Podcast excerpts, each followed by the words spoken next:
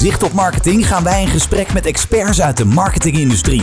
Ontdek hun geheimen en krijg waardevolle inzichten die jouw marketingstrategieën succesvoller maken.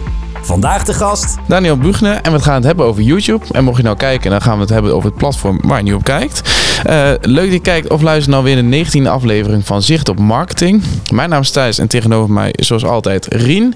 En in het midden dus Daniel. Leuk dat je het bent. Dank je. Ja, voor de mensen die jou uh, niet kennen, misschien goed om je heel veel voor te stellen wat je doet uh, en waarom je hier zit. Ja, um, nou, ik ben Daniel, ik ben 38. Um, ik, um, ik zit hier omdat jullie mij hebben uitgenodigd. Ja, dus dat is de reden. Een klassieke reactie. Ja, ja klopt. Ja. ik, ja, ik ben eh, YouTube consultant, zou je kunnen zeggen. Dat is mijn baan. hoe dat allemaal gestart is, ik kom oorspronkelijk uit, uh, uit de muziekindustrie.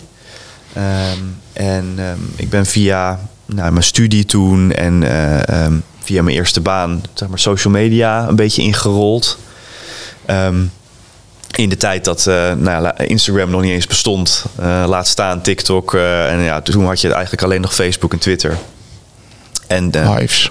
Hives was toen een beetje op zijn einde aan het lopen. Of het was net, of het was net kapot, maar het was een beetje zo rond die tijd.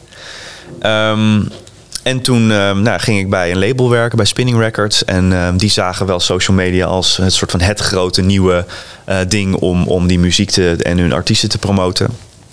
Dus toen ben ik een tijdje uh, social media manager geweest uh, van het label en een aantal sublabels op Facebook en op Twitter. En uh, ook van een aantal artiesten die bij het label aangesloten zaten. Um, en YouTube bestond toen al, maar het kwam toen op als een, als een, als een medium om, uh, om, om ja, die distributie uh, wereldwijd makkelijker te maken. Zonder dat je daadwerkelijk, vooral met videoclips, die moest je toen echt nog opsturen naar, naar landen die dan zo'n licentie van een hit. Als je dan een hit had, moest een land een licentie tekenen om dat in hun eigen land te kunnen uitbrengen. En dan moest je tapes opsturen en dat was een heel papierwinkel. Maar dat kon dan gewoon heel makkelijk door een videootje te uploaden. Konden ze kijken of ze het wilden. En dan, nou, um, zodoende was YouTube een goed medium. Maar binnen spinning was niet echt per se iemand die het interessant vond om, uh, om, dat, om dat op te pakken. Uh, met name de achterkant gaat het dan om. Dus uh, de hele, het hele copyright verhaal, wat natuurlijk bij YouTube heel belangrijk is. Mm -hmm. um, dus dat ben ik gaan doen voor spinning toen. En eigenlijk na een tijdje kwam er ook de hele planning en optimalisatie en alles wat erbij komt kijken bij. En toen is YouTube echt een beetje mijn, mijn, mijn winkeltje geworden binnen spinning.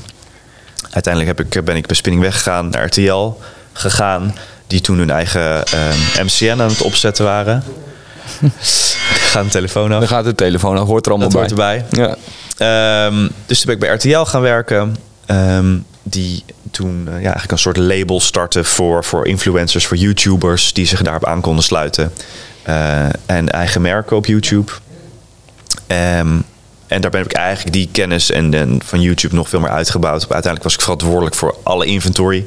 Dus dat betekent zeg maar alle verkoopbare views uh, van, van, van RTL op YouTube. Um, en toen ben ik in 2019 mijn eigen bedrijf begonnen, TubeLift. Dus toen deed ik eigenlijk niks anders meer dan YouTube consultancy, optimalisatie, maar ook ads uh, voor bedrijven. Uh, mm -hmm. Vanuit mijn zelfstandig, vanuit zelfstandigheid als ZZP'er. Um, en met een kleine tussenstap in, in dienst ben ik nu eigenlijk weer terug uh, met heel zelfstandig bedrijven helpen. Met, met YouTube-strategie, eigenlijk meer content-strategie in de breedte. Maar YouTube is er nog steeds een heel groot onderdeel van. En dat is wat een YouTube-consultant doet? Dat, ja. Ja, ja, ja, dus eigenlijk wat ik doe voornamelijk is um, wat de vraag die ik vaak heb. Dat zijn eigenlijk twee dingen. Eén, uh, ik heb nog geen YouTube-kanaal, maar ik wil iets doen op YouTube. Wat zou ik moeten doen? Of twee, ik heb al wel een YouTube-kanaal, maar het gaat niet zoals ik wil. Uh, wat moet ik doen om de boel aan te slingeren? Ja, een soort van de me. twee main uh, vragen ja. die ik krijg. Ja. Ja. Cool, klinkt, uh, klinkt gaaf. Ja. Genoeg om over te hebben straks. Ja, zeker. En we hebben natuurlijk altijd een stelling bij, uh, bij onze podcast. Ja. En ja. Uh, we hebben er weer eentje bedacht. We hebben, ja inderdaad, we. Want in deze kwam ik er zelf niet eens heel erg goed uit met de stelling. Um, um, ja, het lijkt me goed om de stelling rondom B2B YouTube te hebben. En ik denk echt dat als je als B2B bedrijf inzet op YouTube, dat dat gewoon geld weggooien is. Ja, dat is wel mooi, ja. En uh, ah, ik denk, ik weet niet zeker, zeker of ik het echt denk, maar ik denk dat het een goede stelling is. Misschien is dat een beetje om het te nuanceren. Ja, ik vind het ook een goede stelling. Wat, uh, daar mag je dan ook gelijk op reageren. Oké. Ehm, nou ja, ik ben het er natuurlijk niet mee eens. Spreken voor eigen parochie, toch? Nee, maar uh, ik bedoel, uh, als je naar jullie zelf kijkt... Hè, jullie zijn zelf ook met YouTube bezig. Ja. En wat is de voornaamste reden om dat te doen? Vanuit een kennisdeling, denk ik. En, en vanuit marketing laten zien dat je zelf kennis hebt over een bepaalde tak van sport. Hier was het ooit de deal dat het op YouTube moest komen, de podcast. En anders konden we geen podcast. Tenminste, dat was de deal. Eh, ik wilde heel graag een podcast opnemen.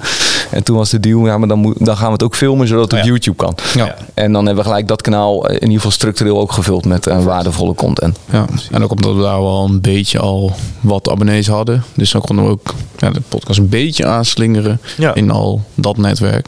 Los van LinkedIn en dat soort mogelijkheden. Ja, precies. Maar, het was, uh, zijn jouw klanten dan vaak... Uh, ik denk dat het dus heel erg B2C uh, gericht is, maar je hebt ook veel B2B klanten? Um, ja, wel. Um, want veel van mijn klanten zijn agencies mm -hmm. of producenten. Uh, die, dan, die dan eigenlijk, ja, dus mijn diensten zijn een soort van over hun heen getild B2C, want zij werken dan weer voor hun klanten. Maar -hmm. eigenlijk zijn, hebben zij ja, B2B-diensten, dus ze doen producties of ze doen digitale strategie. En ze huren mij dan in om het stukje YouTube in te vullen. Ja. Um, dus, dus eigenlijk uh, is het beide. Um, ik werk ook wel eens echt voor individuele YouTubers, dus gewoon met een kanaal uh, en, en dat zijn eigenlijk dan ja, ook eigenlijk producenten, zou je kunnen zeggen. Of ja, influencers ja. Mm -hmm. um, die beter willen worden. Maar om op je stelling terug te komen, nog even. Um, ja, je ziet dat, dat, dat heel veel B2B bedrijven heel succesvol YouTube inzetten. Maar net met een iets andere invalshoek YouTube gebruiken dan B2C merken dat doen. Um, en dan gaat het vaak inderdaad om kennisdeling, thought leadership. Hè? Uh, don't tell, maar show. Uh, mm -hmm. In de zin van uh, gewoon laten zien wat we doen, wat onze producten doen, welke kennis we in huis hebben. En dat uh, mooi in beeld brengen, dat goed uitleggen. Um, en dan ook daar nog eens een beetje SEO-matig over nadenken. Daar, waarop willen we gevonden worden? Hè? Met welke kennis en met welke kunde um, willen we onze marketing bedrijven? En daarom wordt YouTube veel ingezet door B2B-bedrijven. Ja. Um, en ja, er zijn legio voorbeelden uh, van, van, van, ja, laten we zeggen, uh, advocaten die uh, rechtsbijstand tips geven. Um, of bedrijven die PowerPoint-presentaties, tools daarvoor maken en laten zien hoe goed dat werkt. Um, en dan via die kant mensen die ermee werken helpen. Maar ook mensen die het dus, ja, grote bedrijven die er moeite mee hebben, daar terechtkomen en denken: oh shit, dat moeten we eigenlijk hebben, dat, dat willen we graag. Of Um, heel veel bijvoorbeeld uh, uh, tools, toolings voor, voor social media management en dat soort ja. zaken. Die hebben gewoon hele tutorials en academies op, op YouTube staan om ervoor te zorgen dat hun product beter gebruikt wordt. Ja. Dus, dus zo wordt het vaak ingezet. Is het dan ook voor elk bedrijf uh, toepasbaar? Dus, maak, heb jij zoiets van elk bedrijf of elk bedrijf wat mij zou aankloppen, daar kan ik wel een strategie voor verzinnen wat voor hun relevant is? Of ja, elk bedrijf is wel heel eh, ja, dat, eh, dat, weet ik niet. Ik denk wel dat je een, een bepaalde toepassing moet hebben waar je ook over een langere periode content over moet kunnen maken. Ja, ja weet je, als je. Ja, ik kan zo niet een voorbeeld doen waarom je dit niet zou doen. Maar ik, ik, ik kan me zo voorstellen dat er bedrijven zijn als je echt gewoon een heel, zeg maar, eendimensionaal product maakt. Paperclips of zo, bewijs Paperclips, nou ja, dat, misschien kan je daar nog wel iets heel interessants. En uh, met allemaal dingen waar je dan weer van kan knutselen. DIY-kanaal kan je er misschien ja. wel weer over maken. Dat je ermee kan knutselen. Um, dus laten we zeggen dat ik denk in dat je in theorie uh, heel ver komt, mits je een, een, een leuke contentvorm kan verzinnen om in ieder geval over een langere periode sustainable content uh, ja. te maken. Ja. Ja, wat veel bedrijven, tenminste valt mij dan op, en misschien heb jij er ook wel een mening over, dat op mensen die aan YouTube starten, dat is vaak is een hele gelikte bedrijfsvideo. Ja, dat Toch? klopt. Ja, dat klopt. Dat is heel dat, vaak zo. Ja, dat, Voor de over ons pagina. Ja, maar, ja. maar uh, je noemde net het stukje uh, SEO al. Uh, wat wat nou als je bij zo'n zo'n klant komt en je ziet nou, bedrijfsfilm, hoe leuk het is om bij ons te werken of dat soort video's. hoe vertaal je dat uiteindelijk naar iets wat ja, waar mensen dan nog graag naar kijken. Want ja, met alle respect, maar zo'n bedrijfsvideo ga je natuurlijk niet voor je ja, plezier kijken. Nee, nee. Je moet echt een bedrijf zijn waar je echt fan van bent. Ja, maar... dit komt zo vaak voor. Dit is eigenlijk ja, 9 van de 10 keer is dit ja. dit het verhaal. In ieder geval, laten we zeggen, in de, in de tweede lijn waar ik het net over had: van we hebben een YouTube-kanaal, maar het werkt niet. Wat is er aan de hand? Ja. Nou ja, vaak staat het vol met dit soort content. Of uh, hè, de presentaties van de CEO van een uur, die gewoon een talking head uh, van waar gaan we heen met het bedrijf. En dan vinden ze het raar dat ze 16 views hebben, weet je wel. dan heeft in ieder geval niet eens iedereen van het bedrijf het bekeken. um, maar ja, dan kom je natuurlijk heel snel in, een, in, een, in precies die vraag die jij stelt: van ja, hoe waarom denk je dat dit content is die iemand interessant vindt? Waarom zou, dit, waarom zou ik dit moeten kijken? Waarom zou uh, iemand die bij je werkt dit moeten kijken? En, en nou ja, dan kom je heel snel eigenlijk in een soort van, oh ja, ja, daar heb wel gelijk van. En de vraag die ik eigenlijk altijd stel van, waar kijk je zelf naar op YouTube? He, waar valt jouw oog op? Waar klik jij op? Waar besteed je jouw kostbare, laten we zeggen, 30 minuten per dag ongeveer gemiddeld voor als je naar YouTube uh, gaat. Waar besteed je dat aan? Niet naar een corporate bedrijfsfilm van een uur of een, een talk van een CEO. Ja, mits je misschien aandelen hebt in het bedrijf en wil weten wat de koers is. Nou ja, daar kan ik me nog iets bij voorstellen. Ja. Het is niet leuk. het, is gewoon, het is niet leuk. En YouTube is in de basis. Uh, het zijn twee, twee. Het is entertainment aan de ene kant en educatie. Dat zijn de twee grote, laten we zeggen, pilaren van YouTube. Je zou kunnen zeggen nog muziek, dat is er ook nog eentje, maar de grote pilaren zijn entertainment en educatie. Ja. Ehm, dus het, ja, het moet echt wel toegevoegde waarde hebben. Um, ja, dus ja, ik ben met je eens. Ik, inderdaad, heel vaak zie je een beetje de. Uh, ja, een keer inderdaad uh, een nieuw pand opening en dat soort uh, dat soort uh, beetje knippen. Ja, inderdaad. En is het ook ik kan me goed voorstellen dat het ook wel belangrijk is om ehm, eh, bijvoorbeeld je medewerkers een beetje een gezicht te geven. Is dat, zie je het ook nog dat dat, dat inter, qua type content of hoe, hoe je content invult, dat het ook helpt om juist je mensen een beetje op de voorgrond te zetten? Ja, maar dat, dat klopt. Dat is ook wel zo. En je ziet het op LinkedIn natuurlijk vaak, maar ook in het hele employer branding stuk, mhm. dat dat heel goed werkt. Hè? De, je werknemers in het zonnetje zetten en, en laten zien dat je, dat je een goede werkgever en een leuk bedrijf bent. Maar wat wel heel vaak mensen aan voorbij gaan, is dat heel veel mensen toch een beetje camera schuw zijn. En het toch een beetje eng vinden en moeilijk vinden. En niet goed weten hoe ze zich hè, voor een camera moeten gedragen. Als je het wil vertalen in content. Ja. Ehm, dus daar loop je wel vaak eh, tegen deuren, gesloten deuren aan. Dat lang niet iedereen dat wil. En de mensen die het wel willen, dat zijn dan altijd dezelfde mensen. Weet je wel, dus dan ga je ook, schiet je je doel een beetje voorbij misschien. Dus het, het gebeurt wel, maar je ziet het dan wel voornamelijk in bedrijven waar wat meer, laten we zeggen, creatieve, open uh, mensen uh, werken. Of, en, en, die dat dan echt zelf vanuit hun intrinsieke motivatie leuk vinden om er iets mee te doen. Um, maar ja, dus je, je, ziet dat wat, je ziet dat wat minder. Omdat je dus nou, gewoon altijd met mensen te maken heeft die, ja. die dat niet willen. Ja, en ik vind het dan... Ik weet niet hoe jij daar naar kijkt, maar uh, uiteindelijk als je het met als de mensen in een video zitten, moet het ook wel mensen zijn die er werken. En niet dat het dan oh, ja. John Williams is die dan door een. Uh, door, uh, dat soort. dat, dat eigenlijk nog weer acteurs of zo worden ingehuurd daarvoor. Ja, dat gebeurt ook wel. Ja. Ja. ja, ja. Maar dat is dan wel ja, om, om het zichzelf makkelijk te maken. Ja. Dan, nou, ik vind het dan dus. Dat, dan valt voor mij een beetje de kracht ervan weg. Maar. Ja, nou ja, kijk, vaak kan het, kan het ook niet anders. Hè? Als je bijvoorbeeld hebt over. Uh, hele grote organisaties waarin mensen werken, bijvoorbeeld voor een hele grote uh, bedrijf in Rotterdam in de maritieme sector. Waar, daar werken mensen gewoon op kantoor, maar er werken ook heel veel mensen gewoon aan die schepen en er werken mensen in de supply chain. Dat is, er werken 10.000 man. Um, en je, je kan bijna niet in iedere tak van sport dan iemand vinden die er iets over vertelt op een manier waar je er ook daadwerkelijk blij van wordt. Uh, dus dan, dan kan je bijna niet anders dan iemand inhuren om het, om het te laten zien. En er wordt er af en toe iemand bijgetrokken die dan zo statisch voor de camera staat van ja, ik heb dit inderdaad gebouwd. En ja, uh, ja dat, uh, ik ben er wel trots op. En ja, dus dan, dan heb je het wel een beetje nodig dat een beetje een professional er een beetje schwung inbrengt. En dan kan het ook eigenlijk best wel goed werken als er, als er achter gewoon een goed content idee staat. Um, als je het een beetje iets creatiever invult dan alleen maar een uh, camera die door een bedrijfshal heen uh, loopt. Ja. Um, maar er zijn superveel manieren voor om dat wel wat leuker en attractiever te maken. Dat, dat, dat kan wel, ja. bestaat wel.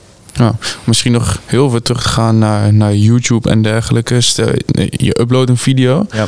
Ehm, hoe komt die uiteindelijk bij iemand terecht? Er zijn natuurlijk een aantal zaken hoe iemand uh, een YouTube-video kan zien. Ja. Ehm, misschien heel goed om te. Ja, wat het verschil is tussen wanneer iemand wel abonnee is of niet abonnee is. Misschien het algoritme van uh, aanbevelingen, waar ik zelf altijd ja. uh, wel heel goed op ga. Ja. Um, hoe werkt dat een ja. beetje? Oké.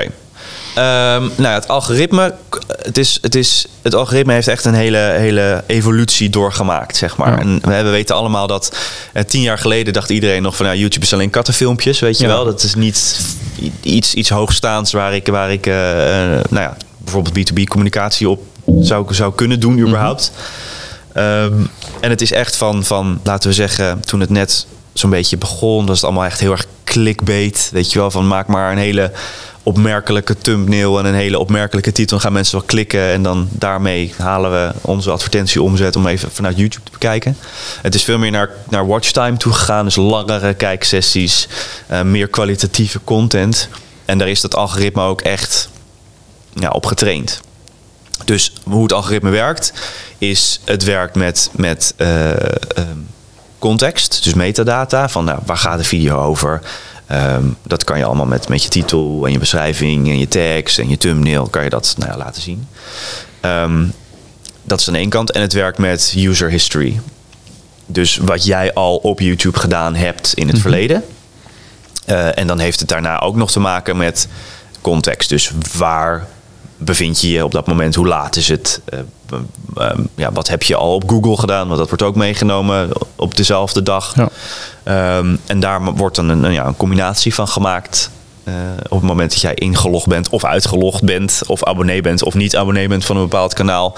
En daar wordt een, een, nou, de, zeg maar de rekensom op losgelaten om, om te bepalen wat jij op dat moment van de dag uh, het liefst zou willen zien. Mm -hmm. uh, en dat beveelt het algoritme jou hopelijk succesvol aan. Ja. En hoe succesvol het, uh, meer succesvol het algoritme daarin is, hoe langer jouw kijksessie zal zijn, uh, hoe nou ja, blijer YouTube is met jou en, en hoe meer advertentieomzet gegenereerd wordt voor YouTube en voor de mensen die de content maken op het platform. Dat is in een notendop ja. hoe het ja. algoritme functioneert. Ja, dus stel, nou, wij maken een video uh, waarom, je met, uh, waarom je met een CA-bureau moet werken of met een online marketingbureau uh, moet werken. En iemand met een zakelijke e-mail heeft een account op YouTube, zoekt een beetje op nou, online marketing beginnen, dat soort termen. Komt daarna op YouTube en dan zou bij wijze van spreken onze video ja. naar voren kunnen komen in aanbevelingen van hey, waarom moet je met een online marketingbureau beginnen. Ja, ja dat zou heel goed kunnen. Ja. En, en, en de, de, de tie-in met Google en YouTube, ik bedoel, YouTube is van Google. Ja. En, en, en je ziet dat daar ook veel meer nu, laten we zeggen, ook echt video's gepusht worden in zoekresultaten. Dat, dat komt steeds meer, steeds meer, steeds meer. Vaak zelfs al het eerste zoekresultaat of de eerste vijf zoekresultaten zijn video's. Ja. He, die worden al in hoofdstukjes ingedeeld en je klikt erop en je zit exact precies in het punt van die video die heel specifiek gaat over jouw vraagstelling. Um, dus ja, via, je ziit eigenlijk die traffic via Google steeds veel meer, meer toenemen. Dus dat, dat het, zeg maar, het SEO-spel wordt steeds interessanter ja. eigenlijk. Ja. Um, en ik zag laatst zelfs, twee dagen geleden, een video op een kanaal. En dat kanaal heeft meestal gewoon organische traffic gewoon van, van binnen YouTube zelf. Dus vanuit aanbevolen video's en abonnees die in hun feed krijgen van er is een nieuwe video op dit kanaal. Mm -hmm. Dan was opeens op één video 93% uh, traffic uit Google. Direct uit Google. Dus direct ja. van mensen die binnen Google geklikt hebben op de video. Niet eens naar YouTube zijn gegaan, überhaupt, om de video te kijken. Maar binnen Google het hebben bekeken. Um, want je ziet dan, nou, zo'n video was een paar honderdduizend keer bekeken. Wat relatief veel was voor dat kanaal. En als dat binnen YouTube gebeurt, normaal gesproken, krijg je likes en comments. Er komen er een aantal abonnees op binnen. Mm -hmm. dan heb je een beetje een soort van, ja, een beetje een soort van de normale regels waaraan het moet voldoen. Ja. Uh, en dat was er allemaal niet. Of relatief veel minder dan het aantal views dat gegenereerd was. Dus er waren 21 abonnees en nou ja, een paar honderd likes. Veel minder dan normaal. Dus je zag echt gewoon de, de context klopte ook helemaal. Dat de traffic volledig uit, uit Google gekomen was. Dus wat je eigenlijk zegt, is ook Google vindt het wel heel belangrijk om ja. dat je met video's aan de slag gaat. Omdat ze binnen de zoekresultaten en binnen Google al veel meer aan het pushen zijn. 100%. Ja. Ja. ja. Eh, eh, we zijn natuurlijk overgenomen door zich. We hebben altijd een eigen YouTube kanaal gehad, namens Pure. En daar hadden we ook iets van 60, 70 procent wat uit Google kwam. Ja. Want wat wij dan ook nog eens deden, is dan hadden we, maakten een transcript van de, van de video. Ja. Publiceerden als blog met video erboven. Dus we hadden daar uh, ja, best wel wat zichtbaarheid in, in de zoekmachine. En omdat we ook veel al uh, onderwerpen maakten waar mensen dan op zochten. Ja. Dus op die manier uh, hadden we ook een heel groot gedeelte uit, uit Google. Ja, dat is heel slim. Ja, dat is heel slim. En dat kan je natuurlijk in, in je videocontent op YouTube zelf ook allemaal slimme trucjes toepassen om weer hoger in de zoekresultaten binnen Google te komen. Door inderdaad slim op te, om te gaan met zoekwoorden. Door je titels op een bepaalde manier in te richten. Door je beschrijvingen op een bepaalde manier in te richten. Um, Wat voor manier bedoel je daarmee dan? Nou, laten we zeggen, ik, ik, ik beschrijf het altijd zo van eigenlijk zou je uh, als je zo goed mogelijk YouTube-resultaat wil bereiken, mm moet je eigenlijk van alle features gebruik maken die YouTube je biedt. Um, en dan bedoel ik mee van wat heel vaak gebeurt is mensen uploaden video, doen daar een titel bij, doen daar een klein beschrijving, misschien tekst, maar dat gebeurt al niet eens heel mhm. vaak, want dat zit precies onder een soort van dingetje wat je moet uitklappen. En dan komen mensen al vaak niet eens. Maar er zijn nog legio aan interactiviteits mogelijkheden. Je kan interactieve kaarten toevoegen die je video in en uit gaan, die bepaalde aandacht kunnen leggen op bepaalde stukken van je video of andere video's. Je kan eindkaarten in je video zetten, waardoor doorkijken binnen je eigen content wordt uh, uh, gepromoot. Um, je kan inderdaad ondertitels toevoegen, wat heel slim is. Ook weer omdat daar weer zoekwoorden in zitten. Um, vertalingen uh, in andere talen toevoegen. Ondertitels in andere talen toevoegen. Um, en als je het echt optimaal, optimaal, optimaal doet, moet je daar eigenlijk allemaal gebruik van maken. Ja. Uh, dus je moet ook af en toe live gaan. En je moet ook af en toe uh, gebruik maken bijvoorbeeld van sponsorships of gebruik maken van superchat, waardoor je dus geld, nou, dat is voor bedrijven vaak misschien niet, misschien niet helemaal kies, maar bij YouTubers bijvoorbeeld wel. Dus idealiter maak je overal gebruik van. En hoe meer je daar gebruik van maakt, hoe serieuzer je wordt genomen, algoritmisch gezien zeg maar. Uh, en hoe eerder jouw video geserverd zal worden. Want ja, het is door YouTube aangelegen om natuurlijk al hun uh, prachtige tools en hun prachtige features te, te promoten naar iedereen. Ja, um, dus dat is het, zeg maar, het algoritmespel wat je kan spelen. Uh, nog bovenop hoe goed je content is. En dat, daar zit hem die optimalisatie, die technische optimalisatie in die ik vaak doe voor bedrijven. Ja, en B2C is natuurlijk misschien iets makkelijker. Want dan hebben we ja, legio aan onderwerpen waar men ja. uh, misschien iets over wil. Uh, schilder ik mijn tuinhekje? En, uh, ja. Hoe schilder ik een muur op kantoor?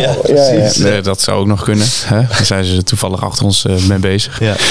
Maar B2B lijkt dat me dat misschien ook wel lastig. Omdat misschien ook wel minder mensen zoeken. Heb je daar nog bepaalde tips, ideeën voor hoe je dat als bedrijf zijn eventueel zou kunnen want is het dan een soort van standalone kanaal? Of is het veel meer, moet je daar veel meer zien inderdaad in geïntegreerd van... Uh, we publiceren video's over onze producten en diensten op YouTube, maar tegelijkertijd embedden we het op onze website, gebruiken we het op LinkedIn. Ja. En snap je dat het veel meer geïntegreerde aanpak wordt? Ja, ja dat is sowieso. Voor, voor B2B zou ik dat altijd uh, adviseren. Het is natuurlijk een beetje de. Het ligt een beetje aan je strategie waarom je dus op YouTube wil en wat, wat de achterliggende gedachte is. Kijk, als je het hebt over zo'n zo'n social platform, dan is het heel logisch dat je daar je educatie doet. Want het is een hele makkelijke plek. Het is gratis. Het, het, het, heeft heel veel voordelen. Um, ik ben even je vraag kwijt. Nou, of het meer een beetje zo'n geïntegreerde aanpak. Oh ja. Ja, ja tips, ideeën om dat soort onderwerpen te verzinnen. Omdat B2C misschien wel veel makkelijker is. Uh, ja, nou, die, die geïntegreerde aanpak die helpt al vaak wel dat je je content, je maakt, wat je vaak ziet nu is, uh, er wordt één stuk content gemaakt. Dat wordt weer een heleboel stukjes geknipt om content amplificatie mee te doen op andere platformen. Weet je wel, er worden vertical video's van gemaakt. Er worden uh, transcriptions van gemaakt. Er worden thought leadership blogposts van gemaakt. er gaan foto's van naar LinkedIn. dat wordt dan allemaal. En dat helpt allemaal weer bij het. Um, um, ja, let maar zeg maar de traffic leiden naar de oorspronkelijke bron die op YouTube staat. Um, en, maar dat is dus als je ervoor kiest dat YouTube je soort van je anker is. Ja. Wat heel veel bedrijven willen is natuurlijk dat het bij zichzelf terechtkomt en niet op YouTube. Ja. Ehm, dus dan, ja, er zijn dan ook weer manieren om dat slim te linken en daarmee om te gaan, zodat de traffic natuurlijk naar je landingpage gaat en niet alleen maar bij YouTube soort van stuk blijft. Ja. Ehm, maar dat is wel altijd een interessante discussie. Want ik zou er altijd voor preken van, nou probeer YouTube te zien als je soort van, vanuit mijn interesse oh, en belang uh, natuurlijk is dat uh, uh, logisch. maar YouTube zelf en al die social platformen zelf vinden natuurlijk het heel belangrijk dat de traffic binnen hun platform blijft. Of liever nog extern naar hun platform toekomt. Ja. Um, dus daar, het is altijd een beetje een balans vinden tussen die twee. Ja, snap ik. Um, maar om, om nog even specifiek op jouw vraag in te gaan, van zijn daar, kan je dat makkelijker maken? Zijn er trucs voor? Is het, is het daadwerkelijker een meer grotere uitdaging voor B2B? Het is niet zo'n heel erg groot verschil. Het valt wel mee. Want die, de, de, de vragen zijn in principe hetzelfde. Um, ja, weliswaar misschien minder actiegericht dan inderdaad niet hoe schilder ik mijn tuinhekje, maar wel hoe kan ik een, een goede SEO-strategie doen op een bepaald onderwerp. Mhm. en, en de route naar de content is in principe hetzelfde. Als je ervoor zorgt dat je dus uh, die keywords goed gebruikt en Google in je voordeel gebruikt door daar nou, slim mee om te gaan. Dan, dan, dan maakt het niet zo heel erg veel uit wat het onderwerp precies is. Er is altijd een niche, er is altijd een markt. Uh, je kan het zo gek niet bedenken. En er is wel een markt en er is traffic. En dan is YouTube het platform uh, om het op te doen, omdat het zo wereldwijd uh, ja. beschikbaar is. Ja. En, en wat, zijn dan veelgemaakte fouten die. en dus de, de, iemand is helemaal overtuigd van jouw verhaal. Denkt, ja, YouTube is mijn kanaal. Ja. En waar gaat het dan vaak fout? Ja, het wordt toch heel vaak campagnematig aangevlogen, YouTube puur omdat bedrijven gewoon nou eenmaal zo denken van nou, we hebben een nieuw product, dat moet in de mhm. markt worden gezet. Daar gaan we een YouTube-serie omheen bedenken, want we hebben daar budget voor en dat vinden we gaaf en we willen mooie content maken die mensen dan gaan zien en dat is helemaal top. Ehm, en dan stopt het daarna. Uh, en dat is de fout die met YouTube eigenlijk altijd gemaakt wordt. Het, het, moet, het is consistency, consistency, consistency. Als je wil groeien, als je uh, mensen aan je wil binden, als je op een, ja, je moet op een langere termijn. Het is een, echt een lange termijn platform. Het is niet. Um, kijk, en de content zelf uh, is ook veel langer interessant en blijft veel langer houdbaar. Zeker als je op wat meer van die. Um, uh, actiegerichte vraagstukken zit. Op SEO-vraagstukken inderdaad. Om maar even toch maar weer tuinhekje van stal te halen. Dat is over zes jaar nog steeds interessant. En over tien jaar en over vijftien jaar dat die vraag blijft er. Mm en, en als je daarop inspeelt. Um, en dan misschien inderdaad na een jaar of drie die oude video die ik toen heb gemaakt. Denk van ja, hij voldoet niet meer, schiet meer helemaal aan uh, mijn nieuwe businessmodel. Aan hoe de tijd nu is, et cetera, et cetera. Dan maak je hem opnieuw en dan zet je hem weer weg uh, op je kanaal. Um, maar het leven van content is ook anders dan op andere social platformen. Weet je, ik bedoel, een post op Instagram is binnen 24 uur, uh, misschien hooguit 48 uur, is die soort van weg. En dan ziet niemand het ooit meer. Dat er zo verschrikkelijk veel content steeds weer bij komt. En uh, die evergreen content op YouTube, die komt steeds weer omhoog. Ja. Dus eigenlijk daar waar het vaak fout zie gaan, is dat het dus inderdaad iemand denkt van dit stof gaan we een keer doen en dan, ja, en dan daarna houdt, het, op. Of het bloed ja. dood. Of doen ze in één keer in de zoveel tijd weer een keer een video. Maar er zit er maanden tussen. En dan haalt die video nooit meer hetzelfde uh, bereik of dezelfde impact ja. als die eerste serie heeft gehad, omdat het toen opgevolgd werd gedurende een langere periode. Ja. Um, tenzij je echt een of andere viral van stal weet te halen, uh, valt het meestal tegen. Ja. Um, dan. En vaak zal, uh, gaat er ook vaak, denk ik dan, iets fout met de, de, manier waarop ze denken dat het gedistribueerd moet worden. Ja. En dus het, we zetten het op YouTube en dan zien we eigenlijk op, bij, ook bij heel veel uh, klanten bij, uh, nou, met een website, uh, of het nou SEO-traject is, we doen het één keer en dan is het even klaar. Ja. Ja, nou, dat werkt dus niet. Nee, dat, nee, dat dacht ik al. Nee, dat werkt dus niet. en, en, en puur praktisch gezien, uh, je noemde net budget. Dus vaak zit er campagnematig zit er natuurlijk best wel budget. En dan kan het allemaal mooi gefilmd worden. En zo. Uh, en ik merk wel bij uh, sommige klanten waar ik dan ook video wel eens aandraag. Van, hey, dat zou interessant voor jullie kunnen zijn. Ja, maar dan moeten we een partij inhuren die dat gaat filmen. En dan moet het bewerkt worden. En dan moeten mensen intern naar gaan kijken. En pff, nou, nee, dat is een te groot traject. Ehm, zie je dat vaak ook? Of, want ja, wij hebben gewoon, nou, twee camera's. We klikten het aan, we hadden een daspeldmicrofoon van 20 euro. En we, ja. we bewerkten het zelf. En het was allemaal vrij amateuristisch, maar uiteindelijk werkte het wel. Ja.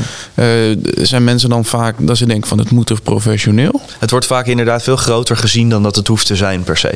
Zeker nu eh, waar je ook had, weet je, hoogkwalitatieve bedrijfsfilms en dat soort dingen. Dat werkt vaak helemaal niet. En, en sterker nog, zeker als je het hebt over wat meer, laten we zeggen, jongere platformen zoals TikTok, et cetera. En waar YouTube nu eh, met, met, met YouTube Shorts en Reels en zo.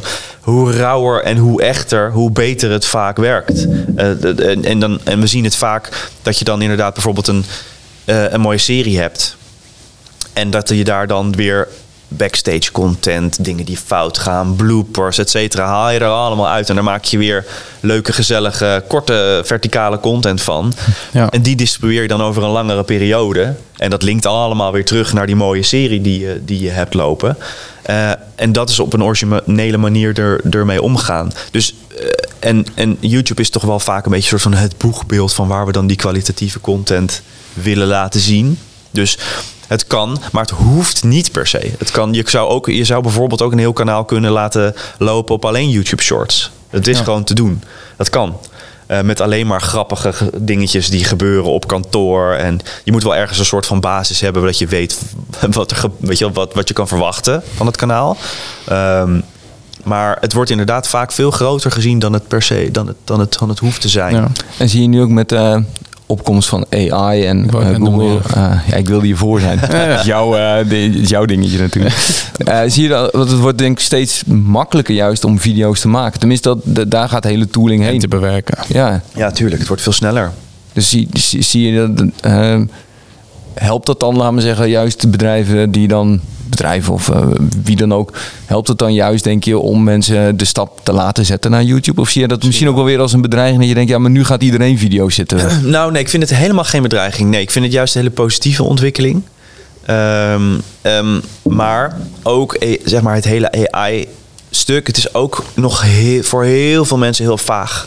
Ja. En zo groot en allesomvattend dat, ja, denken, weet je wel, als je te veel keuze hebt en te veel mogelijkheden hebt, dan, dan denken mensen vaak, ja, ik weet het niet, laat maar. Want ik weet niet waar ik moet beginnen. Ja. Um, de bedrijven die al iets verder zijn. Hè, mensen die bij, vaak bij mij komen, die, die hebben de eerste horde al genomen. Die hebben al bedacht dat ze er iets mee willen. Die hebben al, of die hebben al een kanaal. Um, dus die zijn al wat verder in het proces. Die hebben vaak ook al wel wat onderzoek gedaan naar wat de mogelijkheden zijn voor hun Um, en die gaan best wel goed op, op, op manieren om het sneller en makkelijker uh, te maken. Ja. Hebben vaak al, al content gemaakt. Ja, uh, maar misschien net nog niet goed genoeg. Of ze weten nog niet helemaal hoe ze het beter kunnen maken. En dan heb je inderdaad tools uh, die redelijk makkelijk in te zetten zijn. Om die content wat sneller, wat, wat, wat mooier, wat, wat beter, zeg maar, YouTubeaans te maken. Um, en daar hebben ze dan eigenlijk altijd wel oren naar. Ja. ja. Wat, wat zit er dan voor de voor toepassingen of ontwikkelingen denk jij nog in YouTube? Als we een beetje een soort van toekomstbril opzetten. Want uh, de, voor mij uh, is YouTube echt nog wel inderdaad een stukje educatie, wat je ook ja. zei. Een stukje uh, amusement. Maar ik ben helemaal niet van de shorts en de reels en dat soort type content. Maar waar, waar gaat het heen, denk jij? Um, ik denk dat YouTube nog veel meer. Ja, je ziet het in Amerika, zie je het al gebeuren. Je, daar is YouTube al groter, geeft een groter marktaandeel dan tv, dan lineair, dan kabel. Um, en ik denk dat het veel meer een soort van, van integraal onderdeel gaat worden van de, de laten we zeggen, de Videolands, Amazon Primes, uh, Netflixen van deze wereld. Dat YouTube er gewoon, er, je ziet er ook de, de traffic via tv via big screen enorm omhoog gaan de laatste jaren.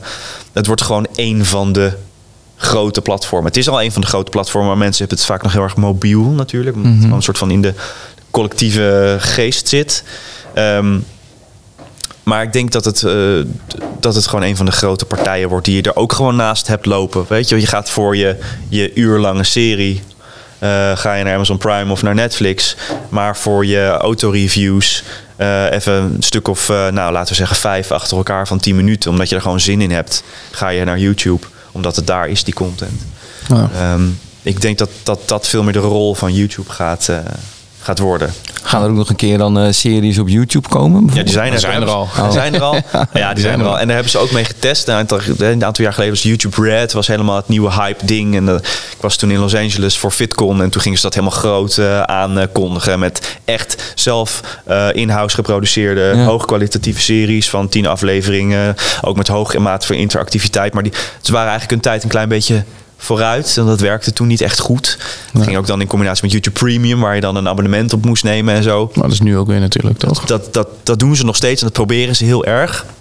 Maar toch in de collectieve geest van de mensen zitten van YouTube is en zou gratis moeten zijn, weet je wel. Dus dat is, daar hebben ze nog wel een, uh, een, een kluif aan. Maar um, misschien dat ze nog wel slimme manieren gaan verzinnen om dat aantrekkelijker te maken, goedkoper te maken. En, uh, ja. um, en ik denk ook, je ziet een, een andere beweging wel, wel ook voornamelijk in de zeg maar, creator economy uh, plaatsvinden.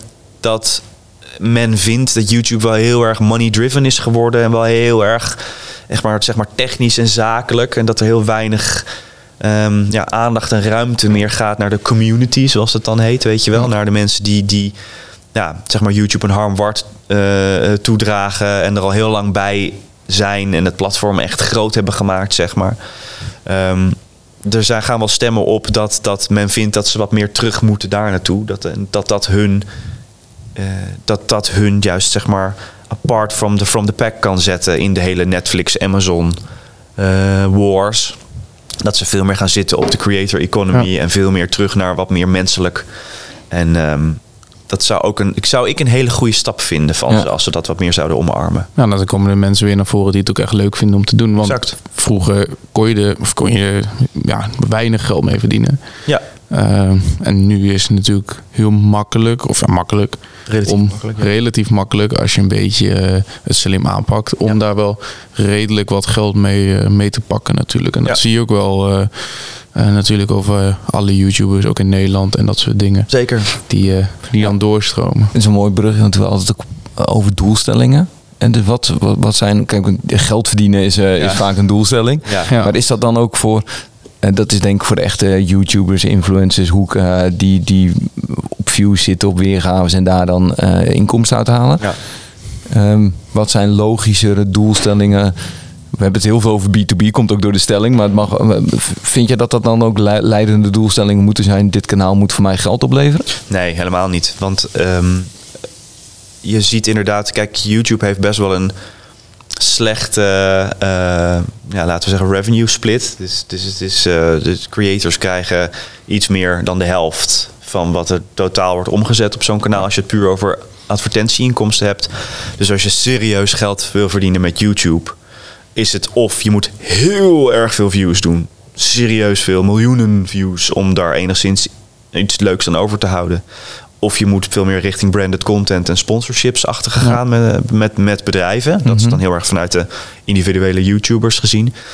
Um, bij bedrijven is het vaak dat het gewoon een soort van een nice to have is. Van ook als we er ook, ook, ook nog een paar honderd euro hier en daar mee verdienen, dan is het mooi meegenomen. Maar is meestal niet de primaire doelstelling. De primaire doelstelling is vaak branding. Het is gewoon aanwezig zijn met ons merk, met ons product. Simpelweg omdat we er moeten zijn. Uh, omdat als we er niet zijn, we niet serieus worden genomen.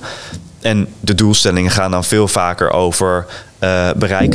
Uh, wat het eigenlijk op andere socials ook is. Dus, dus en engagement. Dus, uh, en, en daarin groeien. En dan is een goede graadmeter natuurlijk abonnees. Dan is een goede graadmeter gewoon ja, likes en comments. Uh, dan is een goede graadmeter uh, traffic, externe traffic naar je kanaal toe. Um, en, en zit veel meer op bereik eigenlijk dan ja. Bij, dat, bij bedrijven. Ik kan me ook voorstellen dat het voor bedrijven die in een, uh, volgens mij zit bijna elk bedrijf ondertussen in de krappe arbeidsmarkt. Hè? Dus iedereen uh, zoekt wel uh, ja. personeel ongeveer. Ja, dat het ook heel erg helpt om, als je nieuwe mensen wilt vinden, dat je, um, je kunt meer van je bedrijf laten zien dan op je website over het algemeen natuurlijk. Dat klopt. Dus ik denk dat dat kan een hele go goede motivatie zijn om het kanaal serieus aan te gaan pakken. Ja, ja, op te gaan het, pakken. Uh, nee, dat heb je helemaal gelijk. En vanuit het hele employer branding uh, stuk zie je dat ook wel steeds meer gebeuren. Van, uh, dat, dat, dat YouTube een goed medium daarvoor is. Je kan toch in video altijd meer vatten dan, dan je in een, in een verhaal of in een paar foto's. Uh, je ziet het bijvoorbeeld. Ja, wat, wat ik altijd. Ja, dit is niet helemaal, gaat niet helemaal op jouw vraag, maar voor bijvoorbeeld wat je bij makelaars en, en dergelijke vaak ziet. Is dat ze dus heel veel meer nu richting video aan het bewegen zijn. En, uh, en dat, dat mensen dus videocontent van, van, van huizen willen zien. En um, en dat wordt vaak ook nog eens een keer gepresenteerd. Dus je hebt niet alleen maar een drone die er doorheen vliegt, maar ook dat er een leuk verhaal van wordt gemaakt en dergelijke. En dat wordt dan vaak ook doorgezet op het kantoor waar ze dan doorheen lopen. En dus weet je, het, het, het, het gaat ook vaak door. Hè? Dus het, is niet het, is, het hoeft niet ook per se, maar we doen SEC employer branding en daar gaan we op. Maar je ziet ook dus vaker, steeds vaker combinaties komen van en employer branding en ons product en onze diensten. En het gaat uh, wat meer naarmate de mensen meer zeg maar, YouTube geletterd worden of meer content geletterd worden, snappen ze vaak uh, beter dat het, dat het hand in hand. Ja, het is een soort van spin in het web of zo. Ja, je hebt veel meer doelstellingen die je dient dan uh, één doelstelling. Exact, ja. ja, exact. En, en, en ja, video leent zich daar gewoon uitstekend voor om dat, uh, om dat te doen. Heb je nog kanalen waarvan je denkt dat dat, dat soort, of misschien ben je er zelf bij betrokken, maar waarvan je denkt, die, die doen het echt op een hele leuke manier, gebruiken ze YouTube? Zicht. leuke manier gebruiken ze YouTube. Uh, op een leuke manier. Ja, of gewoon op een, leuke of een goede manier. Dat je denkt van ja, dat. Er zijn heel veel voorbeelden. Er zijn heel veel voorbeelden. Um, nou, ik werk bijvoorbeeld voor, nou, voor die hier in Arnhem, voor Burgers Zo. Uh, die, die hele leuke content maken uh, over, nou ja, over de dierenwereld. En maar ook. Um, en we zagen op een gegeven moment dat gewoon random dierenfilmpjes zonder echt daar een heel format omheen. Uh, um, dat er als er iets geks gebeurt of iets leuks gebeurt waar toevallig een, een camera op staat, dat die vaak heel goed werken. Maar dat is, je kan dieren niet scripten, weet je wel. Dus dat is ook heel moeilijk. Dus het moet het een beetje van die gelukjes ja. hebben. Nou was er toevallig, um, zou er een zebraatje geboren gaan worden. Um, en dat wisten ze, dus daar werd een camera opgezet. Want het is toch een, een gebeurtenis die je niet vaak ziet. Um, en dat hadden ze precies op tijd, precies op het juiste moment en die, die geboorte in beeld gebracht. Uh, en die video ging meteen door het dak. Um, en zij, zij denken dus er op een slimme manier over na. Dat je de, eh, ze gaan dus ook wat meer op de educatie zitten, want dat is ook een heel groot gedeelte van hun strategie. Um, dus ze hebben wat meer educatieve formats. Ze hebben leuke kleine snackable content met weetjes in de vorm van shorts. Mm -hmm. uh, die weer van die grotere educatieve formats gemaakt worden. En ze doen dus ook livestreams van ja. geboortes. En uh, um, um, de, ik heeft bijvoorbeeld een keer gewoon een paar weken livestream van het Pinguïnverblijf aangestaan. En je ziet dan gewoon constant mensen over de hele wereld. Die hebben dat gewoon gezellig ja. aanstaan. Dat die oh, pinguïns een beetje. Net zoals een open haard. Ja, dat is een open haard. Die dieren die ook kuieren een beetje rond en zo. En vinden mensen vinden dat gezellig. Wij moeten ook een livestream beginnen. Dat we gewoon hier het kantoor ja. gewoon filmen. Gewoon een live werkdag. Mijn moeder heeft dat volgens mij ook wel eens uh, een livestream gehad van een reiger. Uh, Zo'n nest met reigers of zo. Dat je dan. Oh, er gebeurt heel veel, ja. ja. Die vogelnesten. Ja, ja. Ook, uh, maar ik inderdaad nu zeg burger zo. Dat, uh, ik, dat was inderdaad op een gegeven moment ook dat je echt wel uh, door het dak ging. Volgens mij was het met de zeekoe of zo. Was ja, het, met volgens zeekoe, zeker. Ja, ja dat soort. Uh, ja, daar moest ik opeens nu het zo zegt aan denken. Ja, dat inderdaad was dat ging heel goed. En er gebeuren ook wel eens grappige dingen. Dan gooi je zo'n hele grote pompoen in het chimpansee-verblijf. En dan gaan ze kijken hoe ze, hoe ze daar dan mee omgaan. Mensen vinden dat gewoon heel erg leuk om, uh, ja. om te zien. Ja, dus dat werkt heel goed. Dus een combinatie van verschillende contentlijnen naast elkaar. Ja, grappig. Ja. Gaat jullie toch weer naar uh, uh, het platform voor kattenfilmpjes? ja, die zijn we weer terug. We zijn weer terug naar... We zijn, rond. Ja. Ja. we zijn helemaal rond. Misschien nog wel goed uh, in, in het format uh, ja. om te eindigen. Ja. Uh, wie denk je dat nog leuk zou zijn om nou, eens een keer op jouw uh, stoel te mogen ja. zitten en die bij ons is, zou, zou kunnen aanschuiven die iets heeft over marketing, een leuk verhaal? Of, Twee mensen heb ik over nagedacht. Eén is John Meulemans van Endeavor. Hij komt heel erg uit de influencer marketing hoek. Um, maar die zijn nu hele interessante dingen aan het doen met virtual influencers. Dus ook AI-driven influencers. En kijken hoe je daar een zeg maar, product market fit kan krijgen. Zonder dat je daadwerkelijk echt mensen daar voor in hoeft te zetten. Dat leek me een hele interessante. Die doen hele leuke dingen. En uh, Wanja Melinar van Awesome Originals, waar ik vaak mee werk, een producent in Amsterdam. En die maken echt YouTube-content zoals YouTube-content gemaakt zou moeten worden, ook vaak voor bedrijven. Uh, die, die, die werken voor grote partijen, werken voor Linda, ANWB, uh, Bovag. Een aantal echt grote partijen die, die hele coole dingen doen op YouTube. En ook innovatieve dingen doen op YouTube. En zij maken die content dan vaak. En hebben er ook wel interessante ideeën over. Dus dat zouden twee goede kunnen zijn. Dat uh, gaan we eens onderzoeken. We hebben een heel lijstje op deze manier. Uh, dat was een hele goede toevoeging aan ons format. Want het, uh, ja, de wachtrij die loopt op oh, op deze manier. Ja, nee, dat, dat Als al... steeds mensen met meerdere, meerdere partijen dan zeker wel, ja. dan, dan, dan tikt het aan. Ja, ja. ja. ja dat, we gaan eens even in verdiepen. Maar bedankt. Naar wekelijkse uploads gaan op je, op je YouTube kanaal in plaats van maandelijks. Wekelijks, ja. ja. Je de tijd vandaan, hè? Nou, als het, als het kan, dan hadden we het gedaan, denk ik. Maar...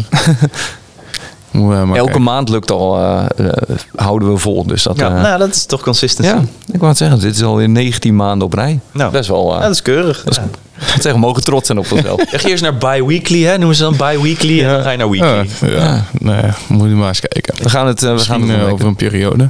ja. Daniel, leuk. bedankt voor alle inzichten, het toffe verhaal.